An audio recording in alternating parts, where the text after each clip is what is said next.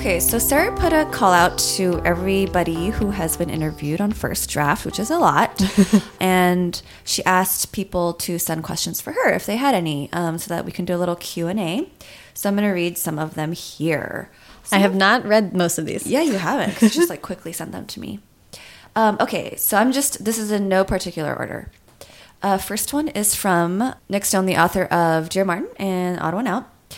How did hosting the First Draft podcast influence the writing of your debut novel?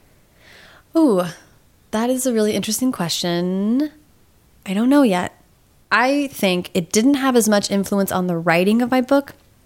I think it's having a huge influence on me as a person going through the release of my book. Right. Because talking to all these writers, hearing about their experiences, seeing that they are whole and complete people outside of their books was such a good and persistent reminder for me to not make me and my books a one to one. I am worth the world without my books. And that is Right. something that That's very important for people to remember going through this super easy to lose sight of that, you know? because our our craft and ego is all wrapped up in this product that we are selling. Yeah. Which, you know, it's really hard for us to control that. Yeah. Okay, the next question is from Kristen Kittscher, the middle grade author of Wig in the Window and Tiara on the Terrace. She says, I'm in awe of how you balance such a full schedule of travel and podcast production with writing. What strategies have you developed to help you manage time and shift between the different mindsets? Um, thank you for that question, Kristen. Um, that's so sweet of you to say. I am religious about Google Calendar and bullet journal. And listen, I'm not here posting pictures of like drawings in my bullet journal, though if that's how you bullet journal, more power to you.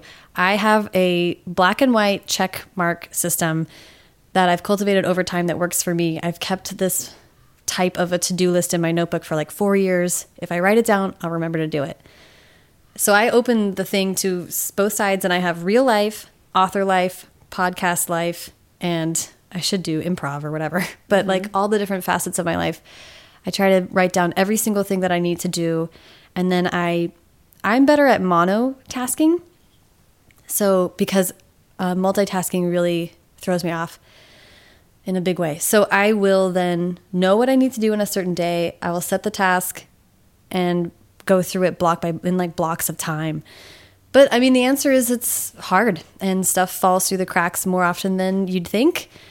Certainly. And also I don't travel. I travel a lot, but not as much as I think people think or Instagram makes it seem.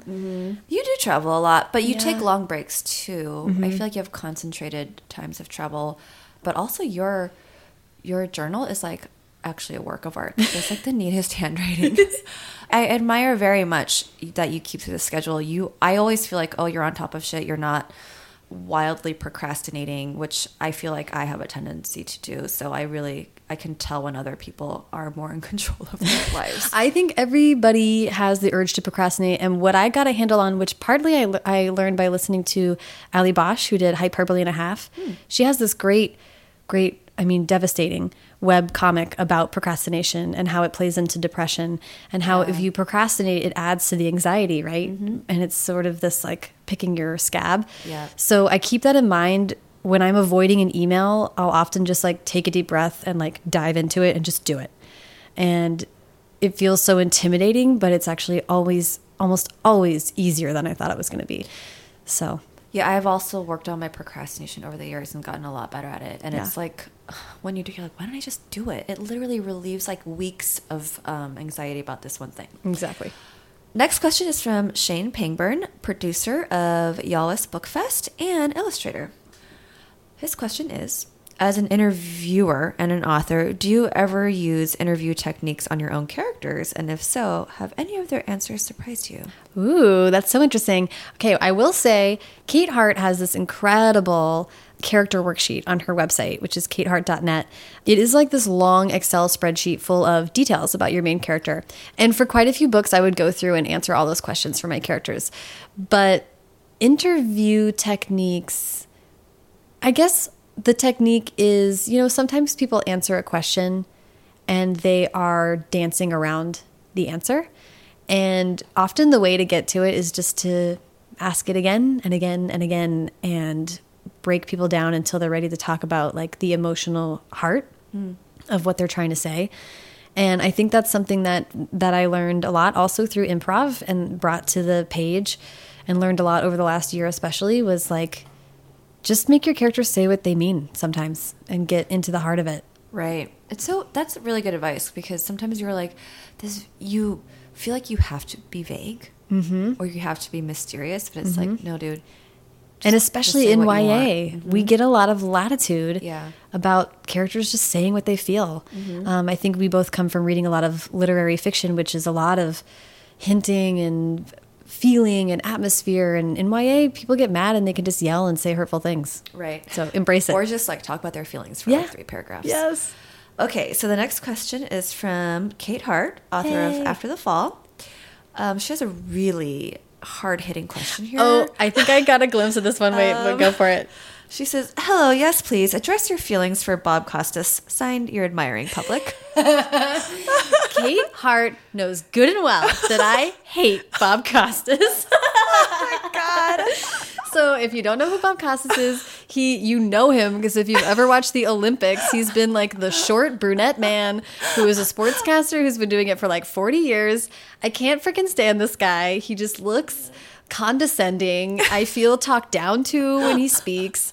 I hate how they are so overly emotional and maudlin about the Olympics. I can't stand it. One year Did you was- enjoy his eye infection? one year, he was the main NBC guy during the Olympics, and he had pink eye so extreme that the producers were finally like, Bob, you've been working for us for like 50 freaking years, but your eyeballs are disgusting, and you can't be on, Didn't on you feel sorry for him? screen anymore. It did not. I was laughing my ass off. Oh my God. Uh, and it was, I had just so much joy for that moment. Uh, and Kate was there to uh, to laugh along with me. Oh my God. Hilarious. I'm glad we all got to hear the Bob Costas rant. Um, next question is from Tochi Onyebuchi, author of Beast Made of Night and Crown of Thunder. Another hard hitting question. Ooh. Favorite Deftones album and why? Um, this is an excellent question from Tochi. It could only come from Tochi, who has um, excellent musical taste. I am a big Deftones fan. Were you ever a big fan of theirs? Um, I wasn't a big fan, but I enjoyed them. Yeah, like you and they kind have of get lumped into the the specific era of music I listened to in college. Yeah, you and I were, I think, have really similar. Um, they diverge, of course, but we have really similar music tastes, and we were into the indie stuff. But in high school, I was obsessed with the Deftones. And I recognize that White Pony was their best album, but I have to say that the one before that was Drive on it was the one I listened to the most. Um, I went to a concert once with my then boyfriend and the lead singer, who, whose name I believe is Chino Moreno. I got to touch his stomach because he was crowd surfing. It was a big moment for me. I got to touch um, the butt of uh, the lead singer of The Darkness. Oh my Crowd god, surfing. the darkness! That's incredible. I don't even remember his name. Oh, well, no, but you obviously a one-hit wonder. You obviously remembered the title. Oh my god! I that- believe in a yeah, thing I did love. remember the title. Song brings me joy. If anyone listening to this hasn't watched the music video for "I Believe in a Thing Oh Called Love" by The Darkness, Do yourself a favor. do yourself a favor. Have the best three minutes of your life and watch that music video. and if any of you guys have a time travel machine, go back in time and go to one of their sh- concerts. It was the best concert I've ever been to. I'm I'm so mad that I didn't go. oh my gosh, that was a good question, Tochi. Yeah. Um, next question is from Victoria Aveyard, author of the Red Queen series. Can you talk a little bit about ghostwriting? I sure can. So I love that Victoria asked this question because she knows that I did a little bit of ghostwriting. When I moved to LA, the book didn't. Yes, I remember now. Yeah, okay, yeah. Yes. It, it was a while ago, but when I moved to LA, uh, Margaret Stohl, uh, who is a wonderful writer of the Beautiful Creatures series, co-author of the Beautiful Creatures, Creatures series, and many other awesome books, hooked me up with um, an agent who does a lot of ghostwriting stuff. I ghostwrote a middle grade book for a YouTube star, and I co-ghostwrote a loosely based on the life of a Vine star. Listeners, neither of those books made it to the shelves for various reasons, um, but I got paid for them. They did not take up an enormous amount of time. And I mean, just for the sake of transparency, this middle grade book I wrote, it was 30,000 words, and I got paid $10,000 and I wrote it in three weeks. So that's not bad. Mm-hmm. It really helped when I was having a financial crunch, and I had fun doing it ultimately i felt like because i already had the podcast and writing my own books and at the time i was full-time being a journalist also, I felt mm-hmm. like that wasn't sustainable for me. Yeah. But we have a bunch of friends that do ghostwriting on the side, and one of them just redid her bathroom because she got a ghostwriting gig. So ghostwriting is is awesome, and also we know a lot of writers who work with book packaging companies and who work on IP projects. They are really. I, I hope that we can move forward and be more transparent about these opportunities because they are ways that writers can actually make a living. And it's a way to hone your craft. Writing that book 30000 words in three weeks Man, on a sure. story that wasn't mine Yeah. getting into someone else's voice telling someone else's story it was a great exercise. Um, and tell me everything started as an ip project. Mm-hmm. it's completely my own and i love it with all my heart. It'll always be my debut book but that's how the opportunity came to me and i was really excited for it. Okay, and next question is from Jasmine Warga, author of Here We Are Now. yay I'd love to know, after interviewing so many different writers, is there any piece of advice you heard that's particularly stuck with you and has really had an impact on your own craft or routine? That is such a good question, Jasmine. I think Jasmine's so great. Everyone should read her books. I think, after talking to all these writers, still one of the interviews that stands out to me the most, most, most, most was sitting down with Libba Bray really early on in the whole podcast experience. This is like an old OG episode. Mm, I listened to that one. It's so like it just some part of me feels like indulgent having that episode out there because it just felt like such a personal conversation to me and she was so wonderful but she in that episode had this whole thing about writers being she called it a particular head tilt so she hmm. described so that's that was her way of talking about point of view like every writer has a particular way of seeing the world and processing what goes on in their lives and and the way that you write about that, she called that your head tilt. And I just thought it was the first time that something connected with me so viscerally about your book doesn't need to be for everyone. It is truly just expressing your world. Like, let me give an example in my book. I'm not a quick emotional responder. Like, when things happen to me, I will, I need time to process. And so in my books, emotional things happen to my characters and they aren't like in their feelings right away. Mm-hmm. They're like stunned and trying to th- back out of the situation. And at first, I was like, this is a bad book. They need to be feeling stuff right away. And then after going to therapy and listening to Libba, I was like, you know, all I can talk about is how I process and experience the world. So, yeah, maybe this isn't direct and it won't work in all situations, but I can't be shy about the fact that this is also a legitimate way to respond in a situation in a character's life. Right, and I it's not even a question of right or wrong. It's that exists as a way f- that some people process emotions and your understanding of it makes it authentic. Yeah, right. And that's like something that is really to me what sticks out in good books versus not so good books, the authenticity of the writing. Yeah. If you're a listener to Pod Save America, you've been hearing them talk relentlessly about how people running for president in 2020 need to be authentic and need to be able to connect with people in a realistic way. And I mm-hmm. think books need to pass the same test. I agree. Okay, next question is from Danielle Paige, author of Dorothy Must Die and Stealing Snow. I'm just going to read it because it's very cute and very Danielle like. um, Sarah, we talked so much about me, me, me, me, and I realized that there are things I didn't get to ask you. um, where are the where did the art connection come from in your book? Were or are you an artist on top of your other gifts? Oh, s okay. First of all, what a sweet question. Um, I do want to say, just as a side note, like a peek behind the curtain, literally every single time I interview someone for this podcast, at the end, they're like, I talked so much. Yeah. Every single person I've interviewed has said that to me. And they're not wrong, right? Like, but I'm also asking you to sit down and talk about yourself for an hour to two hours. So it's so funny to me still. Like, so, um, Danielle, this is such a good question. And I think, yes, I feel like when I look back on my especially pre novel writing life, uh, for a while I, in college, I got really into acrylic paints.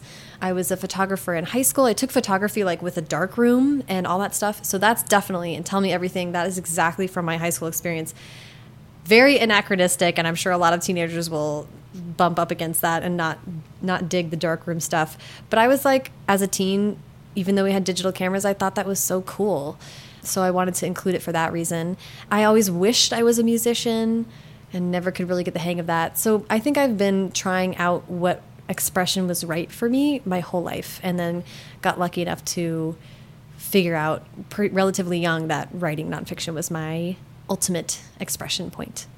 Well, and then Danielle has a further question, which is how much from your real teen experience did you draw from to write this book? Ooh, quite a bit. So this book is set in a place called Sudden Cove, mm -hmm. which is a blatant ripoff of an Arrested Development joke. Oh yeah. so sorry about that. Uh, uh, Sudden Valley is the name of that housing development that they're Sudden building. Valley. Oh my god. so it's a possibly a deep cut, but other people will find it very obvious.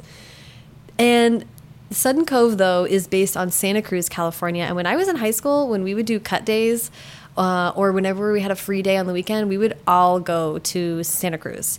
We were in San Jose, so it was just over the hill. But I, so I associate a lot of magical moments and a lot of really important friendship moments with Santa Cruz. And also, Santa Cruz is a deeply strange city. Mm -hmm. Our friend Steph Kuehn, um, who is a fabulous writer, went to the One university. One of my favorite writers, uh, like for real, like writing some of the best, mm -hmm. just books flat out. But of course, YA books out there. She went to the University of California, Santa Cruz, and she once described that city to me as a place where a piano could fall out of the sky and it wouldn't be out of place. and I just love it for that. And I love all the potential that that gives to a city. And I truthfully wanted to make the city that they live in and tell me everything kind of a stars hollow for the West Coast. Mm. So that was my goal with it. And that's certainly born out of my love of Santa Cruz as an actual teenager.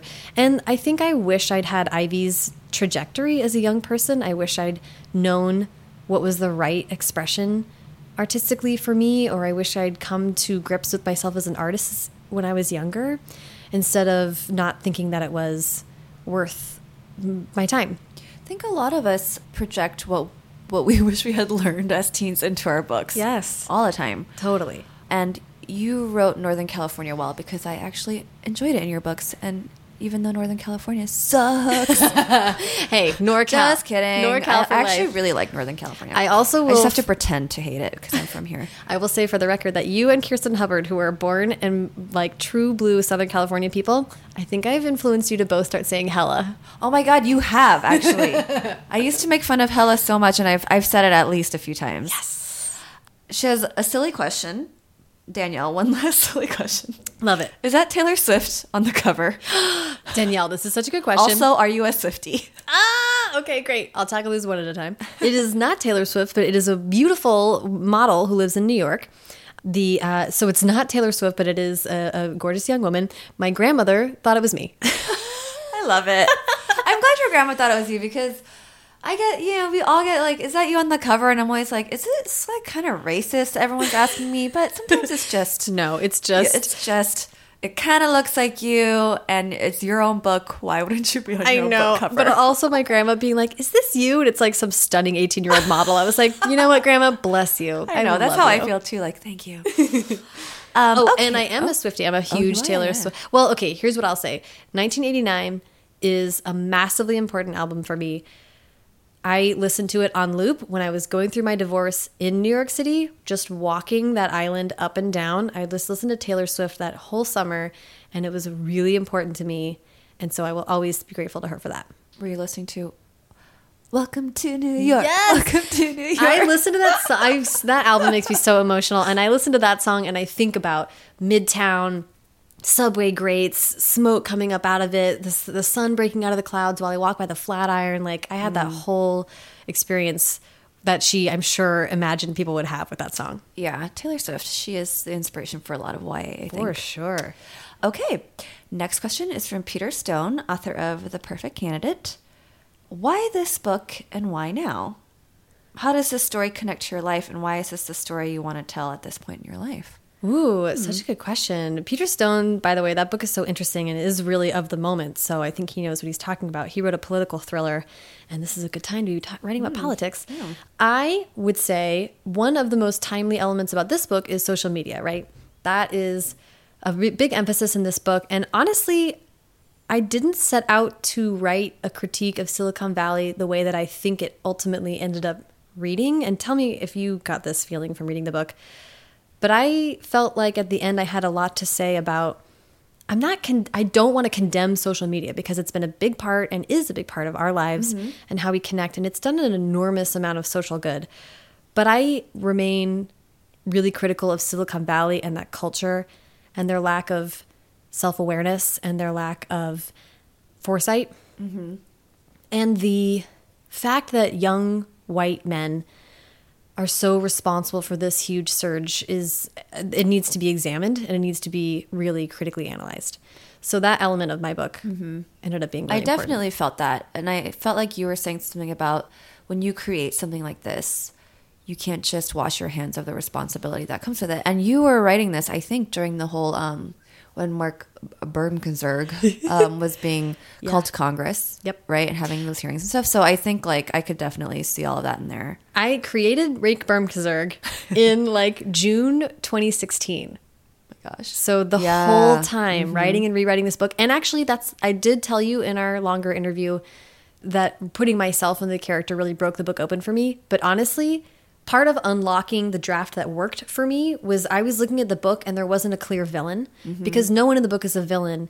If anything, Ivy would be the villain because she's the one that does the bad thing. So Right. I realized that we needed an external force to be bringing in the tension in the story and working that in made it so much better, unlocked it for me, and Rake Bermkazerg was that thing. He mm-hmm. became the villain, and as soon as I saw that as the way the story worked, everything was smoother. And it also was perfect because we were literally, yeah, watching Mark Zuckerberg go in front of Congress and that whole embarrassing display. Right. of and especially post election, you know, like him saying, I can't imagine that we're part of the problem. And now we know how Right. unbelievably, just, I mean, like ludicrous that statement right, is. right. I mean, it's uh, yeah, Silicon Valley. All these like geniuses, these youthful geniuses with, they do have great ideas that are changing the world, right? But like, you can't just just take that as your, you know, like I did it. Anyways, moving on. Yeah. cool, bro. You made this car, but like people are getting beheaded because Yeah. the tech, No, the tech isn't there yet. Yeah. you know what I mean. Kumail Nanjiani, uh, who is an actor, a brilliant actor, who is on the TV show Silicon Valley, they do a great job of sending up Silicon Valley. Um, I love that show, even though it's tough to watch sometimes. And he had this tweet thread at some point where it was talking about the people who write and create that show went on this like tour interviewing people in Silicon Valley, and that they would be in the room with them when they were describing the stuff they were developing.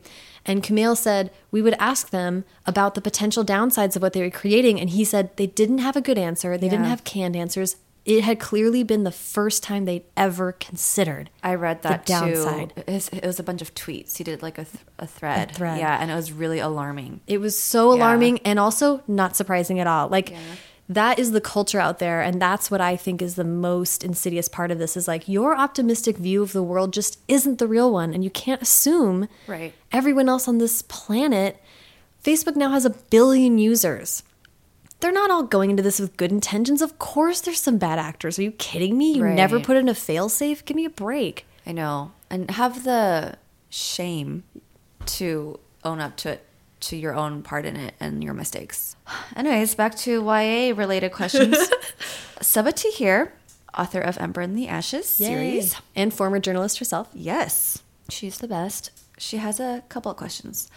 I'm always so impressed by your interview questions. How has your interviewing process evolved over the years? So this is a podcast specific. I love that. Thank you, Silva, for this question.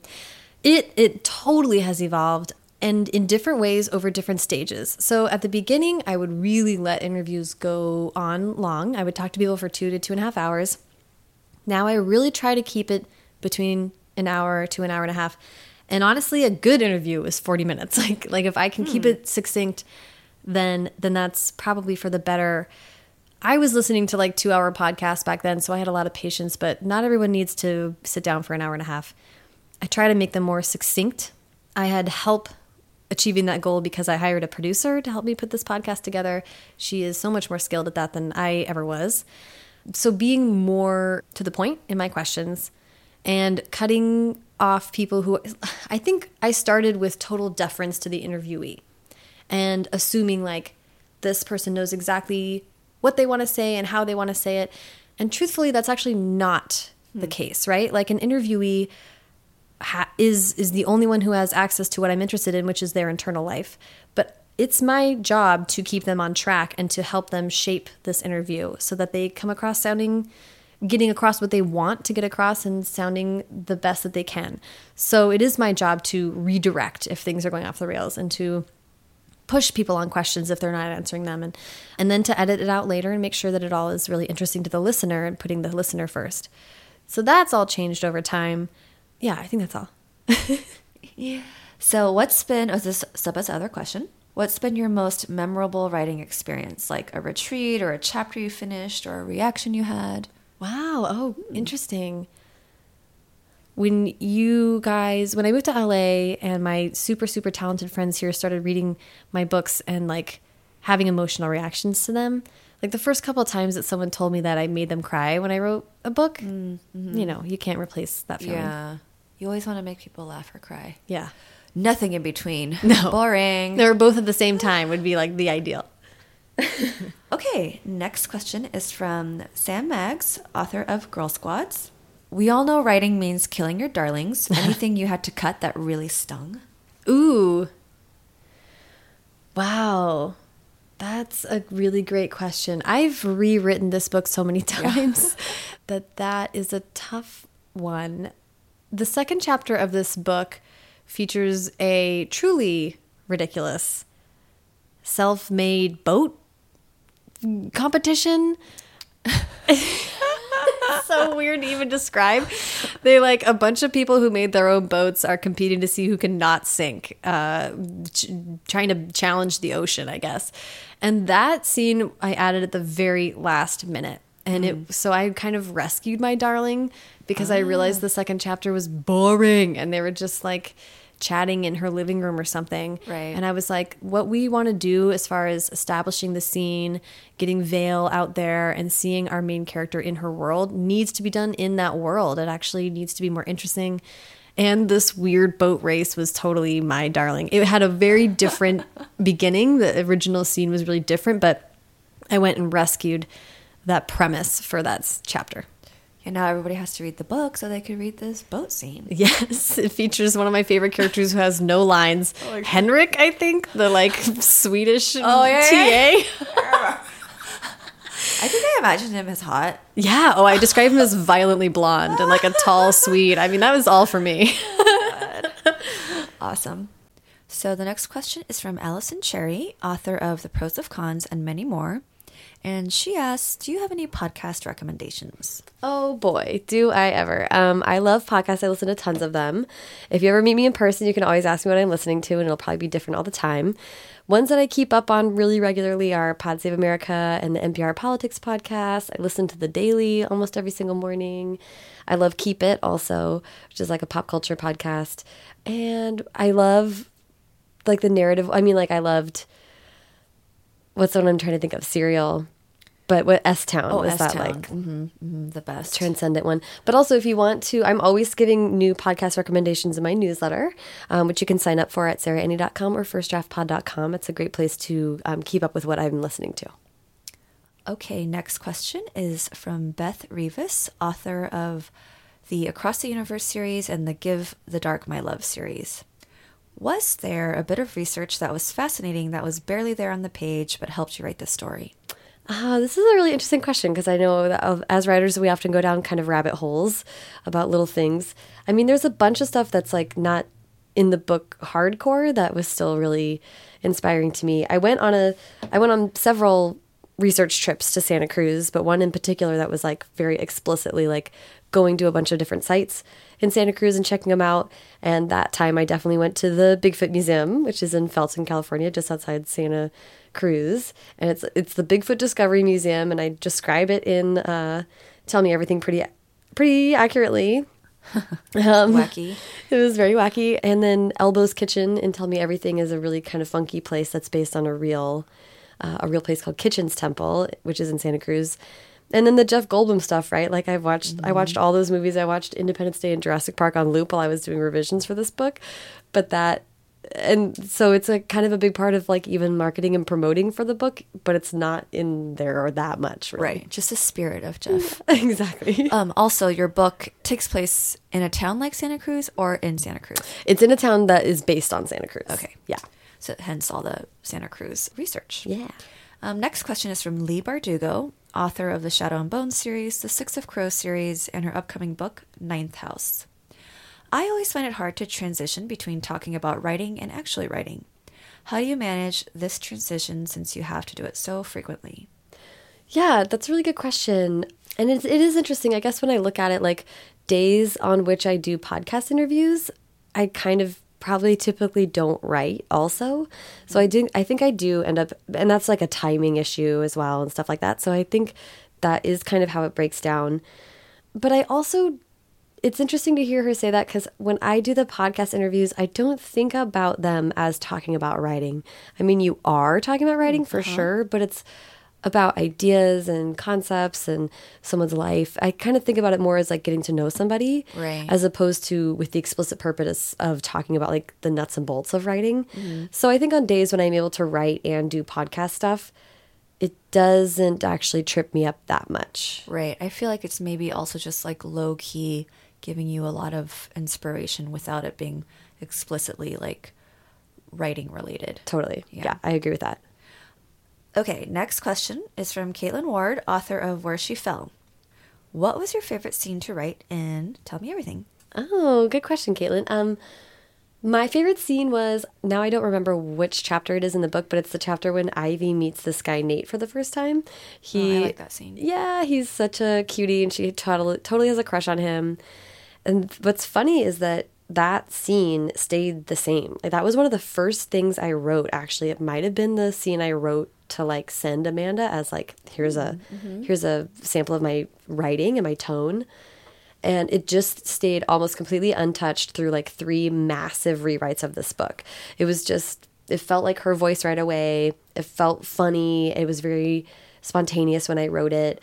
And that was kind of the chapter I kept going back to to be like, this is Ivy. This is Ivy's voice. Let's like remember this. Mm, interesting. I really, that scene does stick out for me. So oh, good. that makes sense. Yeah. Okay, next question is from Brandy Colbert, author of Little and Lion and the Revolution of Birdie Randolph. What is the most surprising thing about your reading life?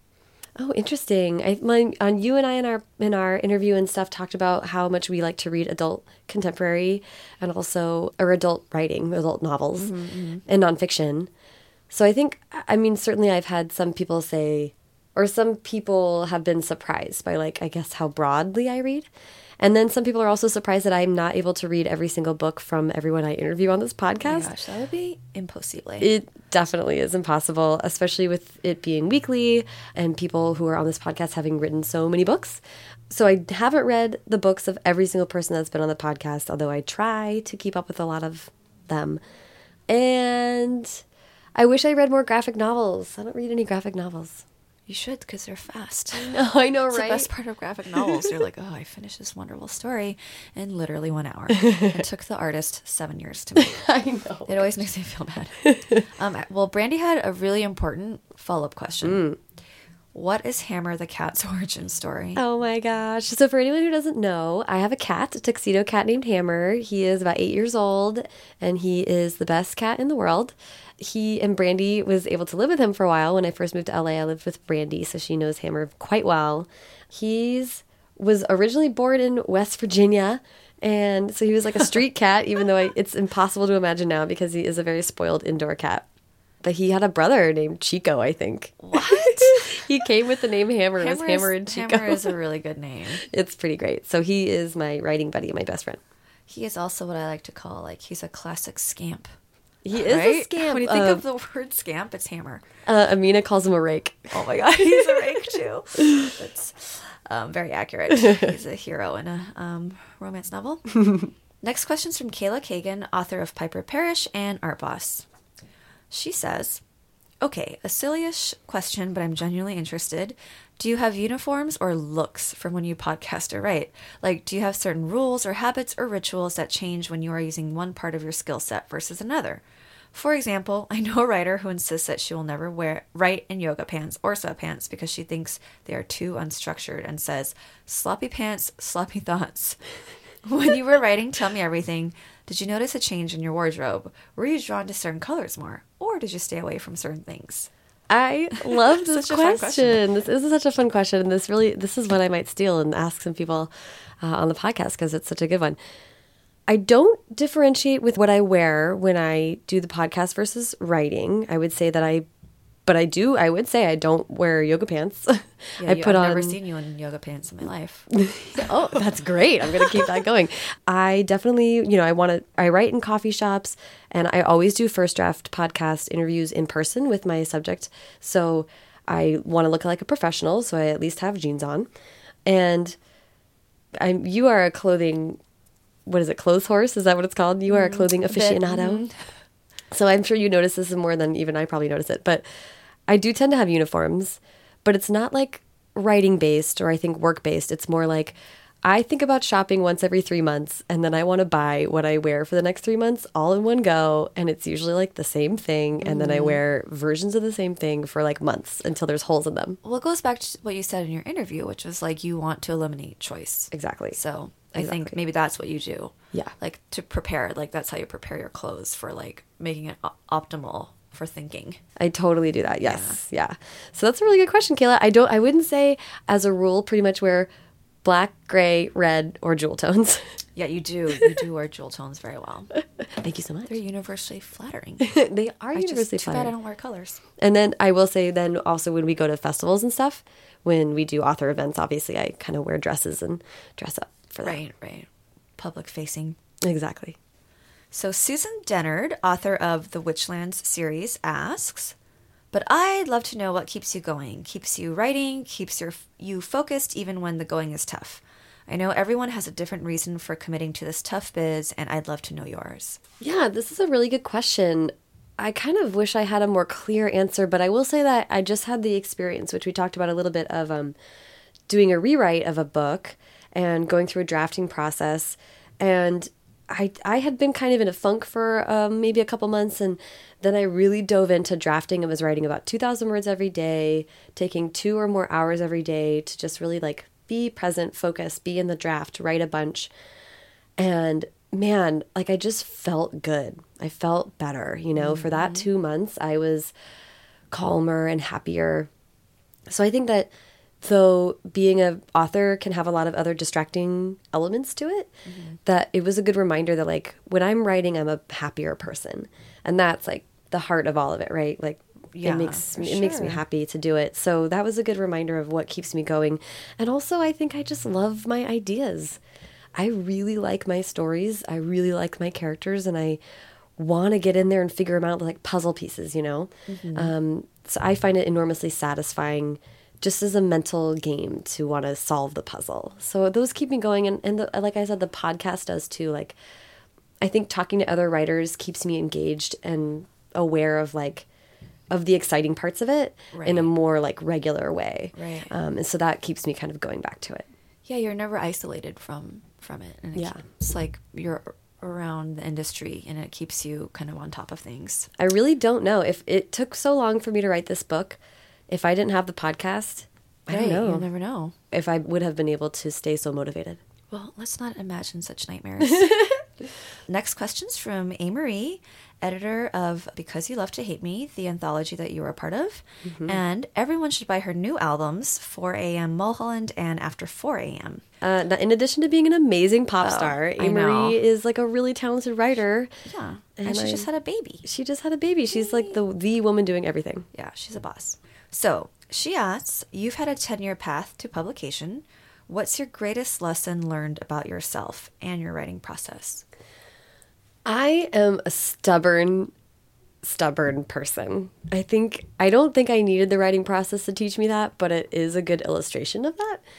Um, and like stubborn, maybe that sounds negative to some people, but I definitely see it as a positive. I'm pretty persistent, and I'm ambitious, and those things all come together and have served me well Right. to do it. I mm-hmm. mean, I Well, a lot of people have talent, but they don't have any of that. And it And you- doesn't really mean anything if you don't finish. because you can grow your talent you can develop talent mm-hmm. i mean to some extent you're born like feeling like, like you can write or not Right. but you can always get better at something that you have an innate skill at you kind of can't always teach yourself to be stubborn or persistent Right. I don't think of you as a stubborn person, but I do think of you as persistent. my mom is going to laugh really hard when she hears you say that Um, and then our last question is from Sara Farizan, And she asks, I guess this is selfish, but I usually ask writers what they do when they feel stuck because I often feel stuck and want advice on that. For example, there's a time you've carved out for your writing slash you must make work count and nothing is happening. Also, you can have Maurene ask how to get so wonderful. Oh, Good luck. Sara's such a sweetie.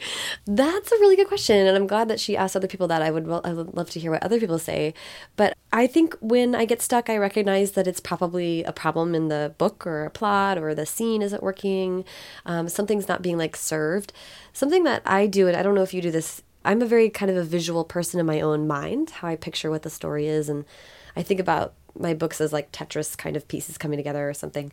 So often I will want to step back and like go back to my outline and like reread that and see like okay if i'm really stuck in something that's not working what is meant to happen now? Something else should be going on. So i kind of like step back and look at the bigger picture. And sometimes it's like i just need a break honestly. Like sometimes mm-hmm. i will just give myself a week off to do other stuff i'm lucky to have the podcast in that way because sometimes i can be like i can still be productive this week Right. but i do need to give my mind That's an important thing. break, You know, yeah. like e- even if you're not writing, you still want to feel like you're doing something towards, you know, something that actually helps you in life or as part of your bigger goals. it's true what do you do when you're stuck maurene oh, I just I'm very generous with taking breaks because I learned the hard way. Like I can't force myself, you know. Mm-hmm. So yeah, I I take breaks for almost as long as I want, and I know that's not a luxury everybody has. But even when I'm on deadline, I do that, mm-hmm. and I just push myself like crazy at the end. Mm-hmm. But I just have like an innate sense of how long it's going to take me to do things, and my body's like, just we're going to use every last second. You know what? I was just reading a book that was talking about how some uh, different people's work processes, and that if you're someone who just wants to stay up all night to do the thing right before it's due, she was like, just go with it. And It's been me my whole life. Yeah, and I'm always like- like, why am I doing this? But it's like, you know what?